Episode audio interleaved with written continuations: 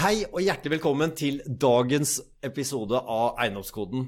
I dag er jeg så heldig å ha med meg en veldig god venn og en person jeg ble veldig godt kjent med for uh, i underkant av et års tid tilbake.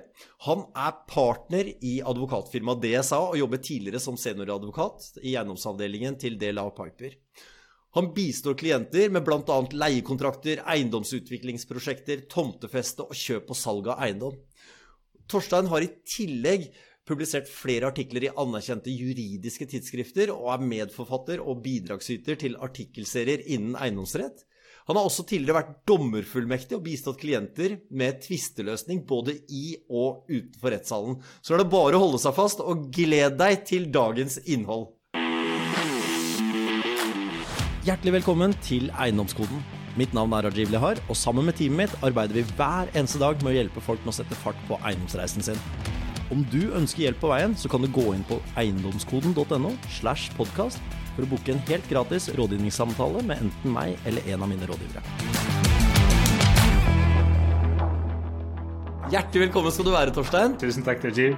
Fantastisk kult at du kunne være med på dagens episode, og det her har jeg virkelig sett fram til. Veldig hyggelig å være her. Det er en annen setting enn da jeg var her på, på Eiendomskoden. Det er, eh, det er, spennende å prøve podkastformatet også. Ja, for forrige gang så var det jo foran eh, live, eh, live event med mange hundre deltakere, så det er litt annen setting.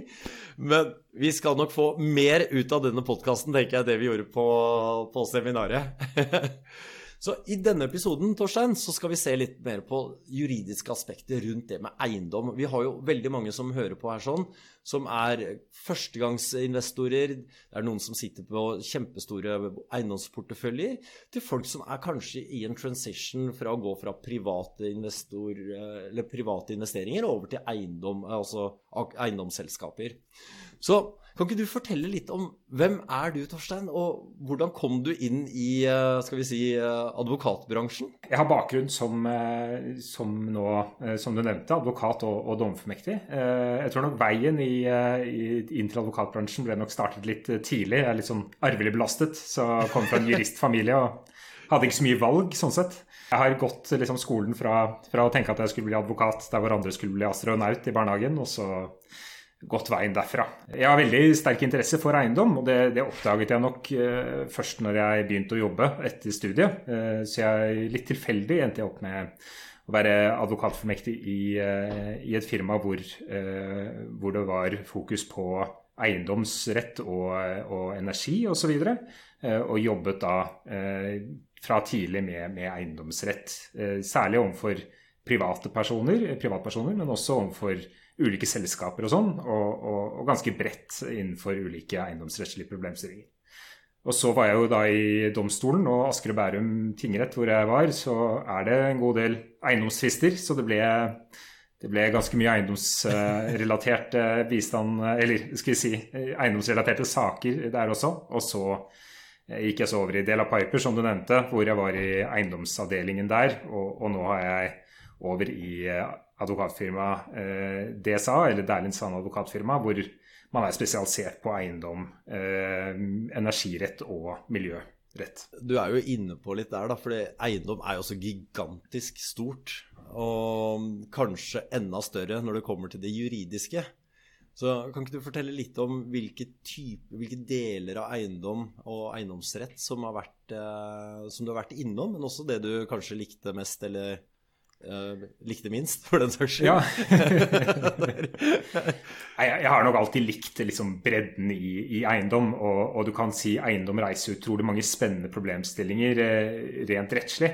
Eh, så, og jeg, absolutt, jeg syns det er veldig fascinerende å jobbe med de som har eh, både kommersielle interesser innen eiendom, men også de som har mer eh, private eh, interesser innen eiendom, altså knyttet til bolig og og, og, annen utnyttelse av, av grunneiendom. Så, så jeg, jeg, liker på en måte eh, allsidigheten og, og mangfoldet i, eh, innen eiendom. Eh, og sånn sett har jeg fått muligheten til å bistå både da, noen av de mest profesjonelle aktørene i eiendomsmarkedet, men også den helt enkle eh, boligeieren som, som, er uenig med naboen i eh, hvorvidt et tre hører til ham eller eh, naboen når den står på grensa. Ja, så, så det, er, det, er, det, er, en ganske, ganske stort spenn. Jeg, jeg, må innrømme jeg synes alt fra da kontraktsutarbeidelser for husleie og, og andre samarbeidskontrakter knyttet til eiendom, kjøp og salg, til da skal vi si, rettigheter, avklaring av rettigheter mellom eiendom, rettighetskollisjoner osv. Eh, jeg, jeg syns alt det er veldig, veldig, spennende, og bistår da klienter både i forbindelse med forhandlinger om, om rettigheter, forhandlinger om kontrakter, eh, til eh, tvisteløsning der hvor det oppstår, og, eh, og, og eventuelt eh, ja, bistand for domstolene da, når, når, vi må dit for å løse, løse saker. Nå er du inne på det med tvister. Altså, hva, hva, er ditt syn på twister, Torstein? Jeg har jo hørt det før, men jeg syns det er så utrolig, uh, utrolig kul måte du legger det fram på. så... altså, så jeg, jeg, er jo litt sånn Jeg, jeg føler jo på en måte twister, twister er uh, jeg, jeg, vet ikke. det er jo, Når du er advokat, så synes du kanskje tvist er litt, litt morsommere enn en, en hva som er, hva som er tilfellet for mange av de vi bistår. Og det, det har man på en måte, man, man må ha den dobbeltsiden altså, Hva skal jeg si det er en uh, allsidighet der, fordi du, du, må både ha en forståelse for at klienten står jo i en, i en, normalt i en veldig vanskelig posisjon, og vi rådgir jo klient ut ifra uh, en forståelse i, i, det at en klient Altså det å stå i en tvist er, er, krevende. Samtidig som, som for en juridisk rådgiver og, og som advokat, så, så, jo, så, får du virkelig satt på prøve Eh, både argumenter, du får testet både juss og forståelse av faktum i forbindelse med tvistløsning. Så, mm. så, så, rent sånn eh, fra et profesjonelt standpunkt så syns jeg det er veldig, veldig Det er lett å bli engasjert absolutt i tvistløsning. Og, og, og, målet med tvisteløsning er jo ikke sant, Jeg, jeg, jeg, må innrømme at jeg setter mest pris på når vi klarer å komme til en enighet i, i tvister. Og så har du de gangene hvor man ikke løser det og, og, og må til retten og få en rettslig avklaring på et, en problemstilling. Enten det er fordi det er et prinsipielt spørsmål for partene, eller partene bare ikke klarer å komme til enighet om noe. Men så er det jo, altså, det er jo litt spennende, fordi på den ene siden så er det jo den profesjonelle parten som skal kunne det juridiske, samtidig som man må være litt sånn psykolog i andre enden for å videreføre det. Hvordan, hvordan håndterer man det som en advokat? Jeg har alltid vært interessert i. man, man, håper jo ofte at det kommer litt sånn til igjen når man er der, men men man, man, har jussen i bakhånd, man har godt, uh, godt studie og, og, har jo på en måte en juridisk metode. Så, og, og forutsettes jo å ha en, en, eh, god oversikt over relevant juss. Og da blir på en måte forståelsen av faktum er mye av det som er jobben når vi får en sak. Og så er det på en måte å avklare med klient eh, hva er klientens behov. Og skal ikke se bort fra at noen ganger så må vi kanskje består kanskje jobben mer i å, å bistå klient i å veilede, eh, veilede klient, da, mer enn kanskje å, å, løpe av gårde som en terrier på motpart. For, ja. å, for å, vise at, at eh, det, det, å forfølge dette her, eh, det, det, kan koste deg såpass at, at eh, det koster mer enn det smaker, da, rett og slett. Og så er det jo litt det her med tvister. ikke sant? Som du sa, det beste er jo å komme til en enighet. Men eh, det aller beste er kanskje å unngå selve tvisten det, det, det, er jo rådet, absolutt. Altså, selv om advokater får jo eh, normalt mye arbeid eh, i forbindelse med tvist, så er jo eh, mitt, eh, alltid mitt råd at man på en måte prøver å søke juridisk bistand allerede tidlig i, eh, i, eh, i, et, altså i, i, alle forhold som skulle oppstå, som kan være av rettslig art. Og, og, det er ikke gitt at man må på en måte engasjere advokat, men det kan være grunn til å undersøke nærmere. F.eks. hvis du skal skrive en kontrakt, eh, kan man gjerne undersøke om det finnes kontraktsmaler som gjerne ligger tilgjengelig på nettet. Men, men, er det på en måte reiser Er det spesielle forhold som man tenker har stor betydning, så, så bør man kanskje få en, eh, en med juridisk kompetanse til å se over at det blir på en måte tilstrekkelig regulert. For hvis man da sikrer seg allerede på et tidlig tidspunkt, og det gjelder jo da særlig med kontrakter, så, så kan man kanskje unngå senere Eh, uenighet og tvist, rett og slett fordi partene allerede ved kontraktsinngåelsen var klar over hvor kanskje ansvar ble plassert, eh, hvor risikoen ble plassert, hva som ble avtalt osv. Og, så eh, og ikke sitter da og krangler om det noen måneder eller år etter, etter at kontrakten er signert. Og, og ja, man er i gang med samarbeidet, f.eks. Litt interessant det du sa, da, at det går jo an å, å, å starte arbeidet uh, med å finne, bruke eksisterende maler. altså Alt fra husleie, kjøp, salg osv. Det finnes jo massevis av maler. som man kan dra et utgangspunkt ifra. Og, og, fylle det så godt man kan klare på egen hånd. Og så få et, uh, et sett med juridiske øyne på det før man uh, setter uh, underskriften på det. Det er jo en veldig smart og enkel, skal vi si, måte å både sikre seg, men også samtidig spare litt på, på ressursene, da. Absolutt. Og, det er jo Flere er jo uh, kanskje medlemmer av, uh, av, foreninger eller organisasjoner som også har en juridisk bistand, altså har et tilbud som kanskje kan dekke det helt uh, altså basisbehovet. Da. og det kan tenkes at f.eks. å gå gjennom huseierne eller, eller, noe annet, at man der kan få måtte, ritt veiledning i, i, i ulike situasjoner. Og så vil det jo i hvert fall Både er det jo eh, noen av disse organisasjonene som har samarbeidsavtaler. Vi har f.eks. samarbeidsavtale med, med huseierne. Eh, og, og, og, andre. Eh, og, og, det kan også være at man har forsikringer. De vil typisk slå inn når det oppstår en tvist. Så, så vil man ha, en, ha mulighet til å, å, få dekket juridiske kostnader innenfor visse vilkår, slik at man slipper å ta hele kostnaden selv. Ja, og så er det jo også juridisk bistand fra type arbeids- eller sånne fagforeninger, den type organisasjoner også. Så det er jo god start. Da. da har man liksom fått en innpass, og så klarer man å liksom få en startpunkt, kan man si. Og så ta det i detaljer om det trengs uh, i, neste steg. Så det er en god start, uh, tenker jeg. Jeg, tenker, jeg tenker i hvert fall For mange så, så vil det være en, eh, en, investering på et tidlig tidspunkt å vurdere eh, om det kan være behov for en juridisk i hvert fall noen juridiske råd hvis, hvis man enten inngår en kontrakt av, av betydning, eller, eller, man har spørsmål med hensyn til utnyttelse av eiendom eller lignende, sånn at man kommer ut på riktig fot. For det man ser, i hvert fall som, som advokat, er jo at hvis man først engasjerer advokaten når tvisten er oppstått, eller man kanskje er litt sånn fastkjørt, så kan det være ganske ressurskrevende å, å komme seg ut av det sporet igjen.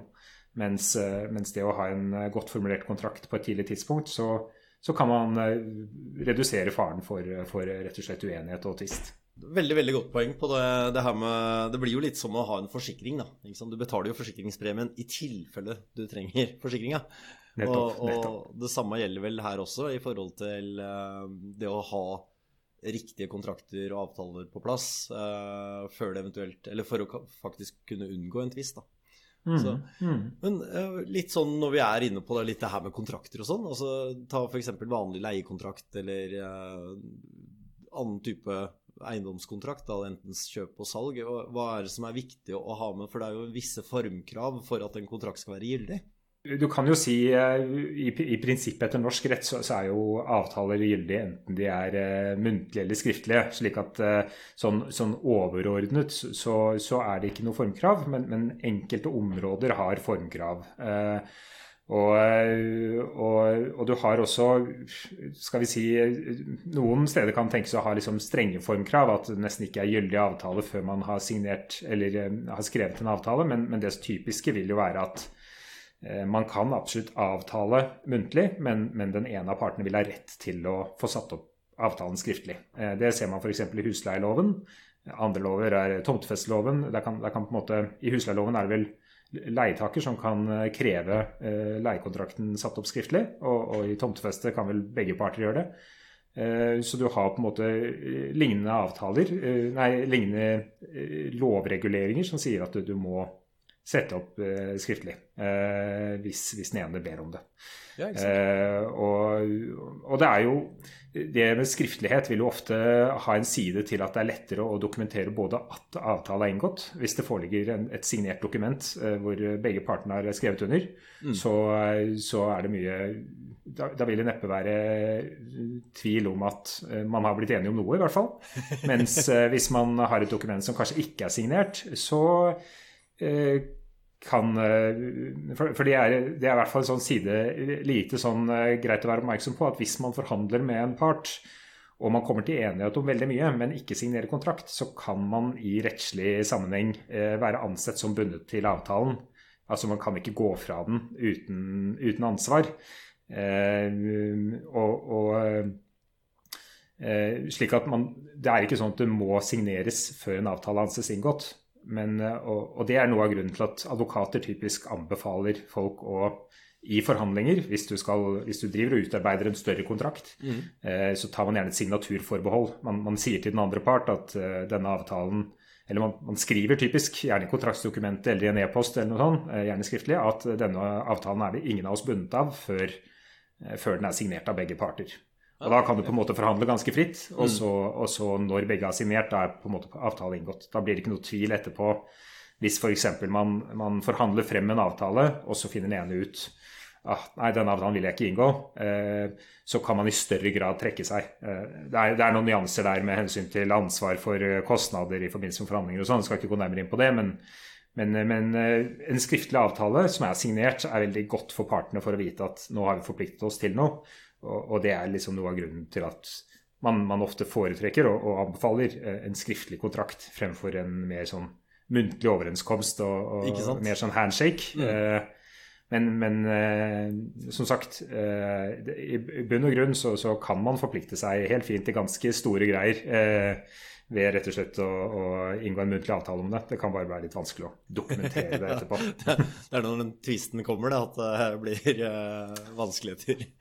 nettopp. nettopp.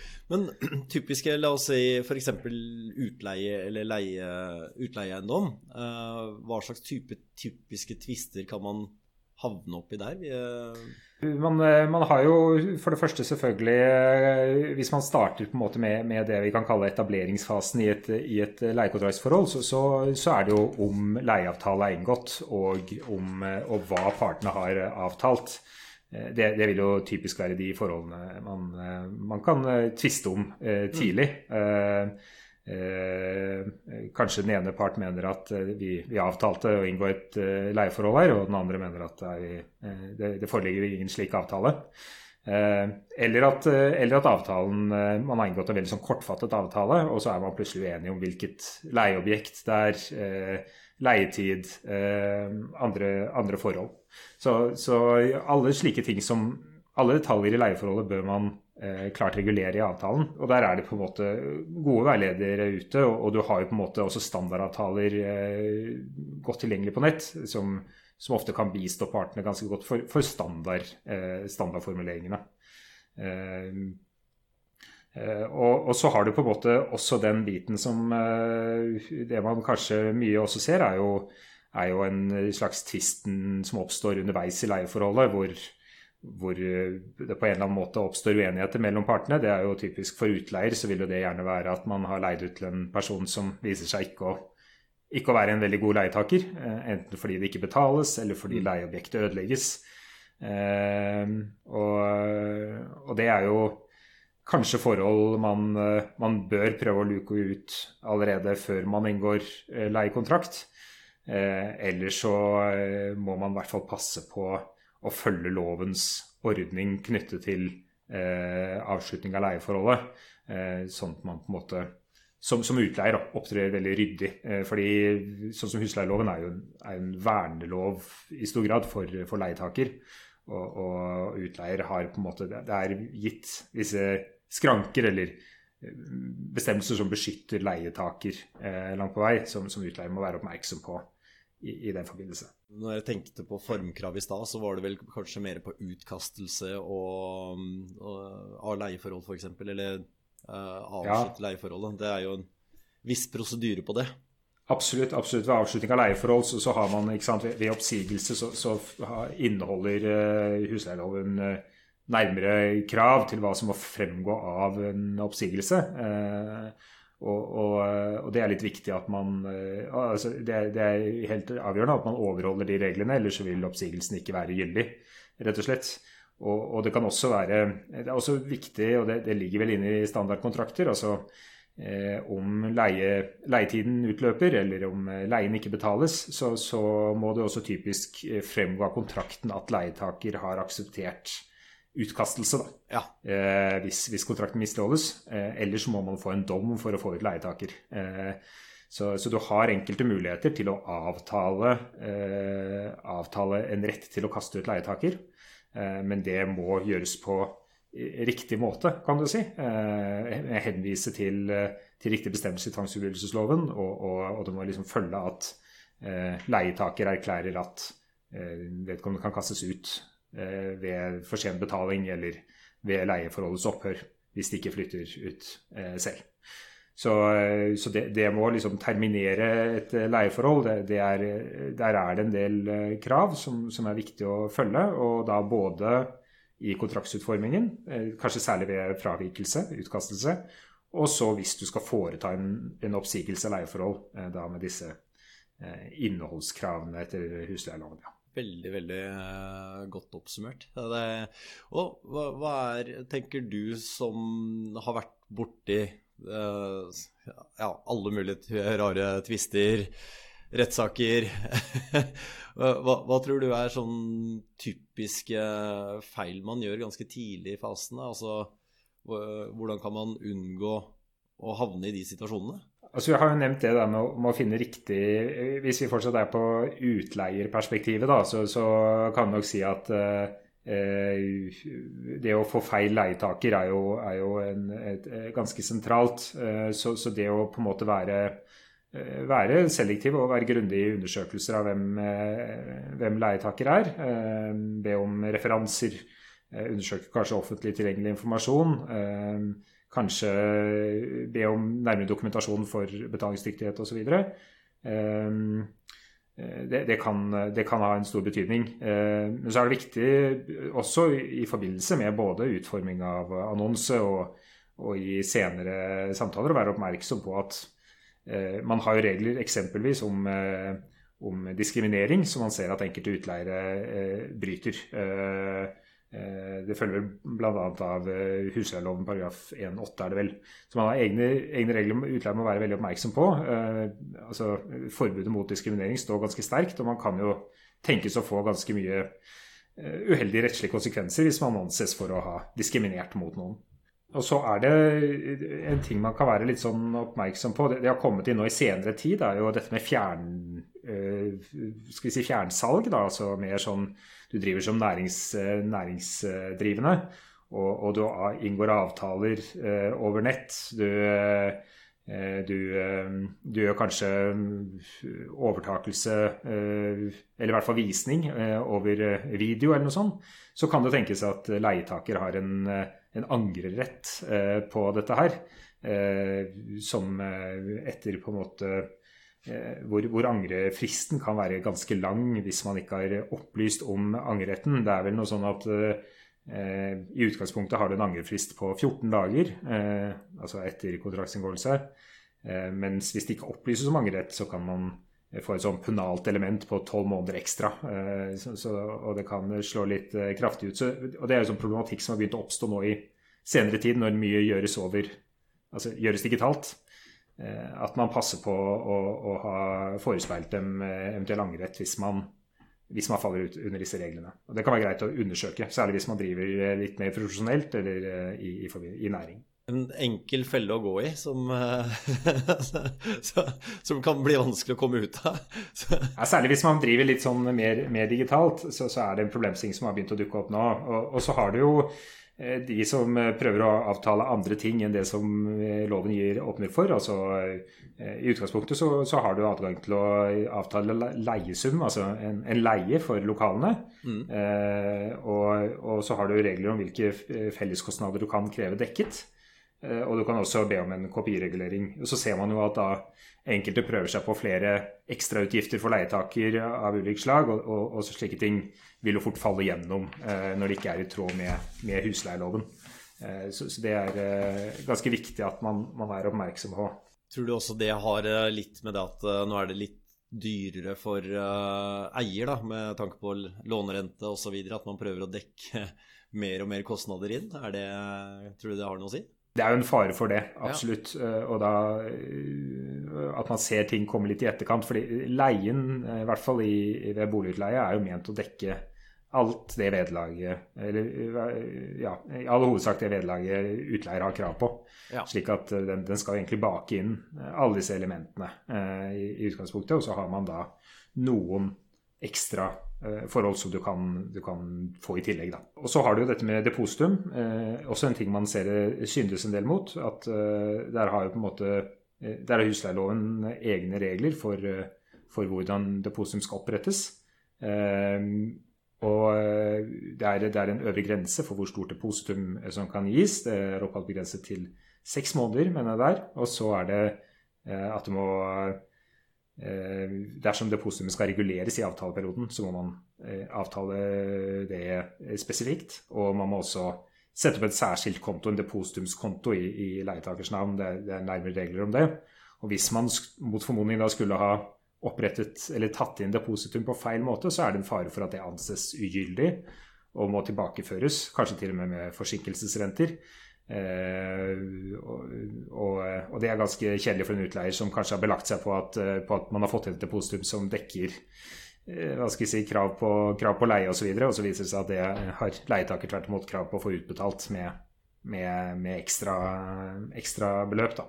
Ja, det der er utrolig, utrolig viktig poeng du tar opp der, sånn, for jeg tror det, er både blitt uh, strengere, men også enklere å synde, tror jeg, da, enn det det var før i tida. Hvor det var liksom, papirkontrakter, og det var å fysisk gå ut og møte, og nå har du liksom mindre og mindre kontakt uh, i visse tilfeller. Og, det å ha ting riktig på plass, og ikke minst det her med depositum, ikke å dokumentere underveis osv. Men nå er du jo litt inne på Altså, du, du, du er, jobber jo veldig bredt, uh, må jeg si, innenfor eiendom. Og du har jo veldig god og bred erfaring. Men hva er det du jobber med mest med nå?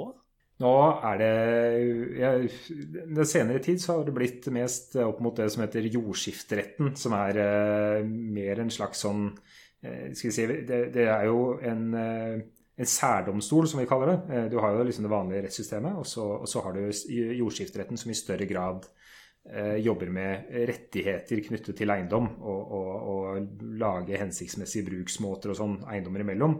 Typisk eh, veiretter, eh, parkeringsretter. Eh, det man ofte kan se også, er jo slike eh, villaklausuler, andre negative servitutter som begrenser utnyttelsen av en eiendom. Eh, og der hvor jordskifteretten kan på en måte endre disse, eller i enkelte tilfeller også fjerne dem. Eh, så, så mye av, mye av liksom dette med å utnytte fast eiendom, det, mm. det er forhold som løses for jordskifteretten. Så, så per nå så, så, er det mye, mye slikt arbeid vi, jeg bistår med. altså eh, bistå grunneiere med, med, utnyttelsen av eiendom. Eh, Gjerne med tanke på at de selv har tenkt å utvikle den, eller, eller har endt opp i en tvist med, med naboer, offentlige myndigheter osv. Eh, kanskje f.eks. ved at det eksproprieres, eh, og da eh, ja, bistå i forbindelse med å sikre, sikre grunneiers interesser. Et av de inntrykkene vi har, da med, Vi har jo veldig mange rådgivningssamtaler når det går på eiendomsinvestering og sånn, og en del av de feedbackene vi får på når man anser å bruke en advokat, eller uh, hva man tenker i forhold til juridisk bistand. Og det, det, er veldig mange som tenker ja, men det går nok bra, altså vi tar det seinere, eller at man er litt dumsnill og går liksom med på avtaler og sånn. Og det, sett fra dine øyne, Torstein, uh, når bør man på en måte bruke en advokat? Altså før eller etter at det har skjedd noe, eller skal man, hvordan skal man tenke på det? Altså, eh, over, overordnet så er det Man ser jo typisk at Eh, parter kan, eh, kan eh, si, komme, komme, seg inn i litt spor som, som, man ikke er helt oppmerksom på. Og det, det ser man jo at ethvert kontraktsforhold, i hvert fall hvis det varer over en tid, typisk sånn som leieforhold er osv., så, så, så er det veldig lett å, å, å gi litt, ta litt, prøve å finne ut av det. Og så er det rett og slett slik at i kontraktsforhold så, så, så, vil man ofte liksom, man, man, har kontrakten selvfølgelig som et utgangspunkt, men så er spørsmålet har partene blitt enige om noe annet i etterkant.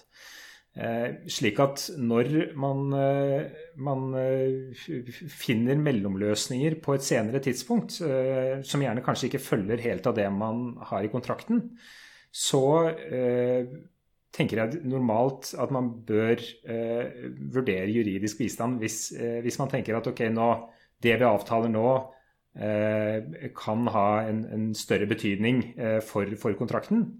Fordi i slike tilfeller kan det være bety altså behov for kanskje å avtale en endring, altså skriftlig, mer formelt avtale en endring i kontrakten. Eh, og for det, det, ser man kanskje at, at, partene ser ok, kontrakten tok ikke høyde for dette her, så vi, vi, eh, vi, vi må bare finne en løsning på det. Og så eh, føler kanskje den ene at den gir litt mye i den sammenheng, og så prøver han å vise til det senere at nå, nå ga jeg, så nå må du gi neste gang. Og så møter han veggen der, da. Eh, så, så, jeg tenker det der, å, det der å formalisere endringer, og, og, der kan det ofte være greit at ikke sant, Som nevnt så, så, er det ofte veldig mange standardavtaler der ute som kan brukes i utgangspunktet. Men hvis man blir enige om justeringer underveis, så, så begynner det kanskje å bli mer sånn tilpasning. Og det å da få en liten, uh, liten checkup på, på, om dette er en endring som man, uh, man bør se på på en litt annen måte, eller regulere på en, på en egen måte. Ettersom hvis man bare skal vi si, lar, lar det skure og gå, da, og, og tenker at uh, dette finner vi ut av, det glir seg til, og så plutselig møter du veggen i, en senere, i et senere tilfelle, så, så, er det ikke sikkert du kan peke på at ja, men jeg ga noe uh, tidligere, eller jeg har jo vært raus før, så nå må, nå må, du være raus. Det er ikke nødvendigvis sånn det fungerer, og, og at man uh, dermed for hver enkelt justering som i hvert fall har, har litt betydning. Eh, det, er, det, er, jo vanskelig å trekke så klar grense, men det er ikke vits å gå i alle detaljer. Man må være litt rause med hverandre og sånn, men, med en gang man, man, begynner å flikke på enten ta betalingsutsettelser eller, eh, eller eh, eller justere depositum og sånn. altså Det er greit å undersøke nærmere og i hvert fall skriftliggjøre det. Og så, så, er Det jo litt sånn, det blir jo voldsomt å si at du skal liksom involvere advokat for hver enkelt lille justering. så jeg tenker Det er jo for de med kanskje litt større verdier. fordi Advokat koster jo litt, så må jo, man må jo tenke at det er en, en investering som, som, lønner seg. Så For mange så kan det hende at det er fullgodt å, å gjøre nærmere undersøkelser selv, eller som nevnt undersøke med juridiske rådgivere som, som eh, kanskje ikke koster noe på, mens, mens, for de som har litt større eh, større på en måte verdier å, å forvalte, så, så, vil jeg anbefale å, å, å vurdere advokat eh, ganske, ganske, raskt når man gjør justeringer i kontraktsforhold. For ellers så kan det fort bli litt sånn trøblete senere. Eh, at man får et spørsmål om man rett og slett har endret kontrakten. Selv om man egentlig så for seg at dette skulle være kun det isolerte tilfellet, så har man ikke vært tydelig på det, og så plutselig så begynner motparten å si ja, men vi, vi har gjort noe helt annet. Så, så, nå er avtalen endret. Ja, veldig veldig bra. Det har jeg ikke tenkt på, faktisk. At det, det bør være et sånt wake-up call på å begynne å, begynne å vurdere. Og så er, det jo, men så er det jo en del som tenker at ja, ja, vi, vi, vi, tar, vi tar, advokaten eh, når vi trenger den. Uh, og det er vel kanskje i mange tilfeller uh, litt dumt, uh, tenker jeg. Altså du Det er jo som å gå til legen. ja. Det er, det er, litt som å gå til legen når, når det virkelig er prekært, da, og, du, og, du, må på en måte Ja, og du må, må, operere, eller dra til tannlegen når tanna må trekkes. Det kan være greit å få en ta, ta en sjekk, og, og det er ikke gitt at den sjekken trenger å være så veldig inngående heller. Hvis dette er enkle, ganske enkle forhold, så, så, kan man på en måte få en liten sånn eh, heads up på ting man må være oppmerksom på. Eh, og og så kan det hende at det er tilstrekkelig for de fleste tilfeller. Så det, det som er greit å vite, er jo altså, ikke, ikke de, de, fleste kontraktsforhold eh, det, det, går jo faktisk ganske bra. Eh, jeg tror advokater og dommere f.eks. får et ganske skjevt inntrykk av eh, verden der ute noen ganger. Fordi det er jo føler at veldig mye endres. Så, så absolutt veldig mye går bra. Men det er jo først når da noe blir litt stresstestet. At man får kjenne på har man vært tydelig nok. Har man vært eh, klar i Har man kommunisert egne forutsetninger klart? Har man, har man eh, forstått motpartens forutsetninger? Og har man liksom klart å regulere det tilstrekkelig i kontrakten? Så, så, det er absolutt en, Eh, ja, skal, det er da man må begynne å kjenne litt på om man burde ha en, et, eh, hva skal jeg si, et, annet, eh, et litt annet blikk på, på, kontrakten enn bare hva en selv sitter og tenker. da. Altså I utgangspunktet så er vi jo alle ute etter å egentlig unngå tvister eller uenigheter i en eiendomstransaksjon eller utleie. Kan, du, kunne du ha tatt bare fem bullet points på måter man kan unngå en tvist eller uenighet på? For å plukke opp det som, eh, som eh, var inne på i sted, altså det der å kommunisere forutsetninger tror jeg er ganske viktig. Eh, for det ser man jo ofte at etter at kontrakten er inngått, så kommer det kanskje frem at partene har gått inn i forhandlinger med, med litt ulike forutsetninger som, som den, kanskje den andre ikke har fanget opp. Og så blir man på en måte uenig om i hvilken grad det får betydning for hvordan kontrakten skal forstås.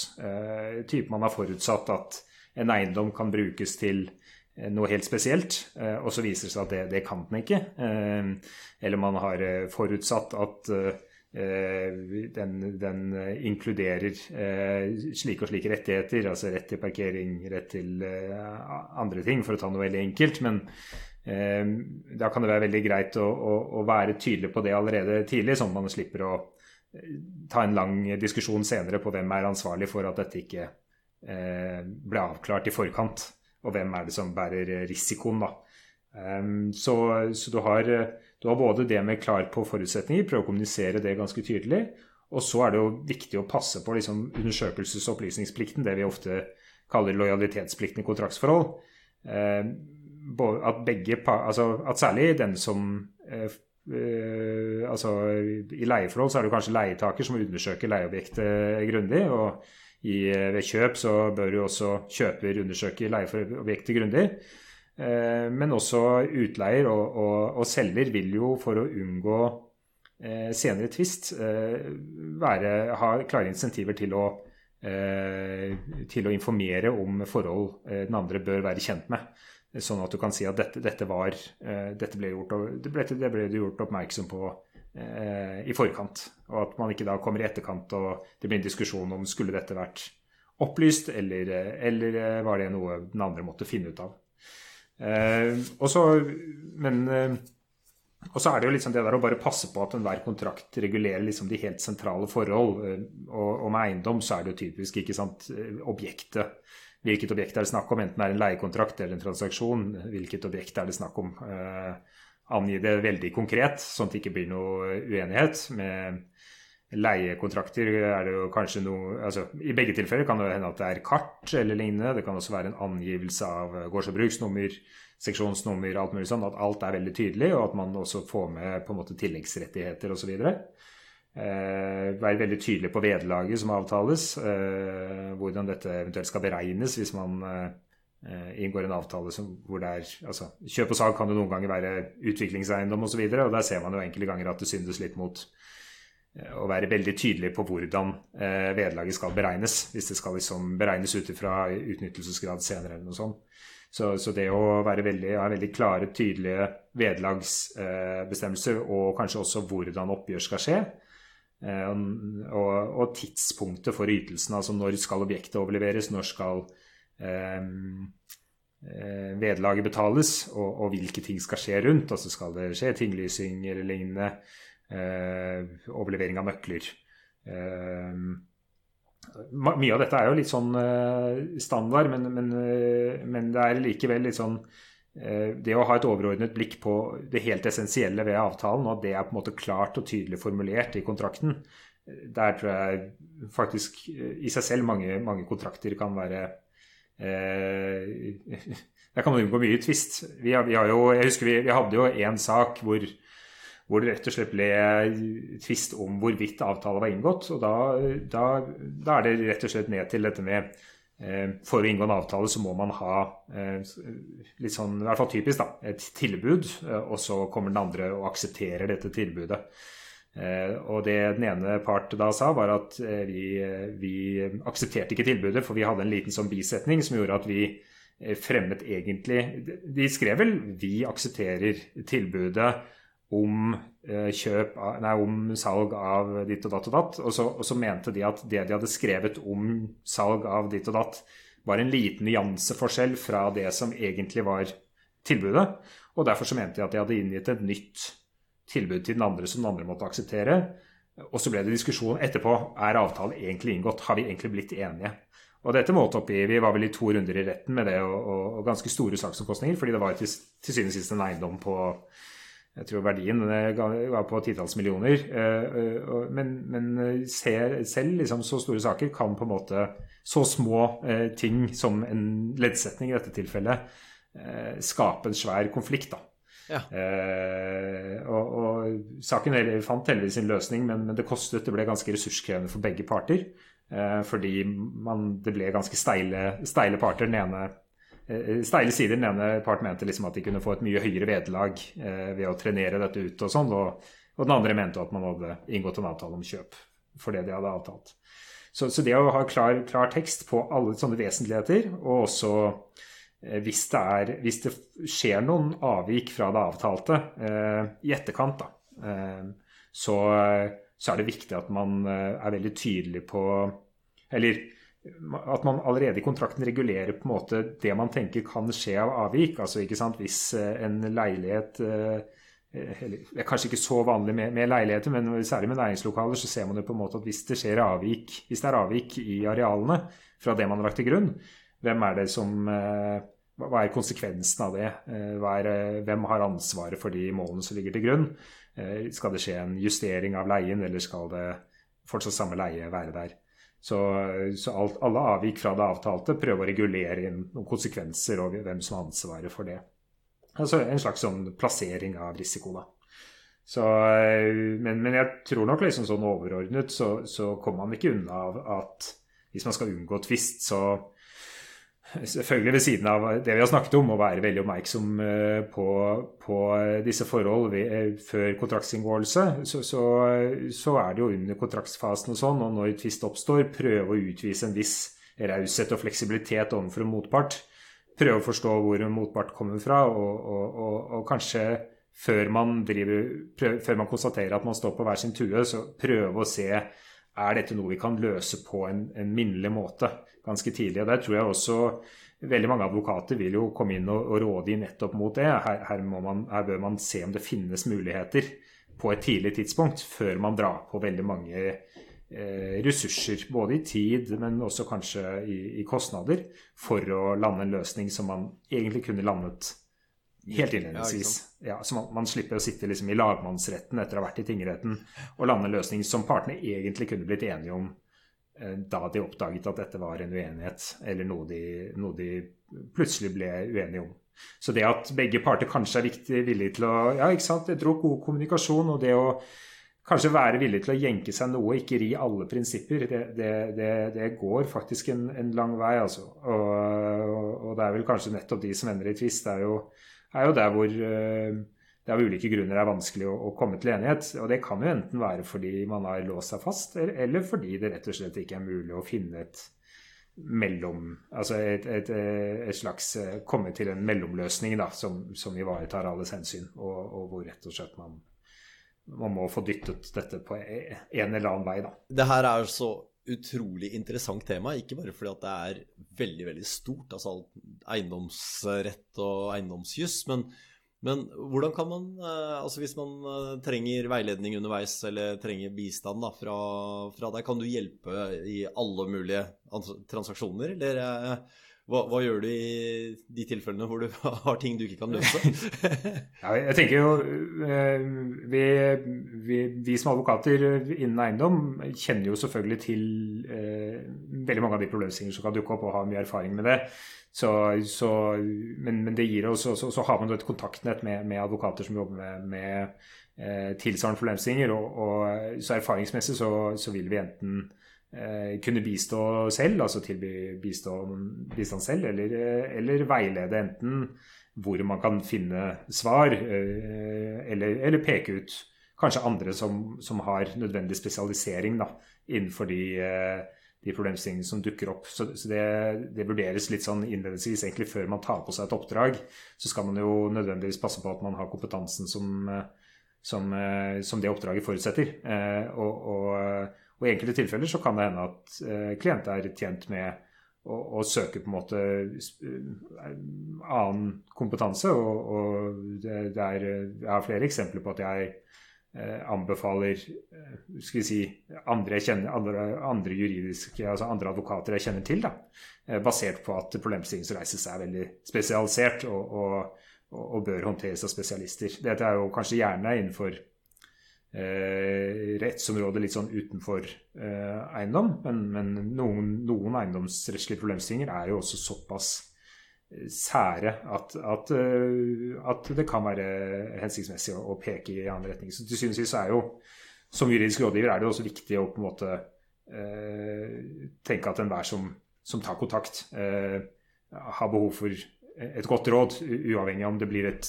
konkret oppdrag av det, eller, eller om, eh, om, om, det kun leder til at de kan, de kan pekes i riktig retning.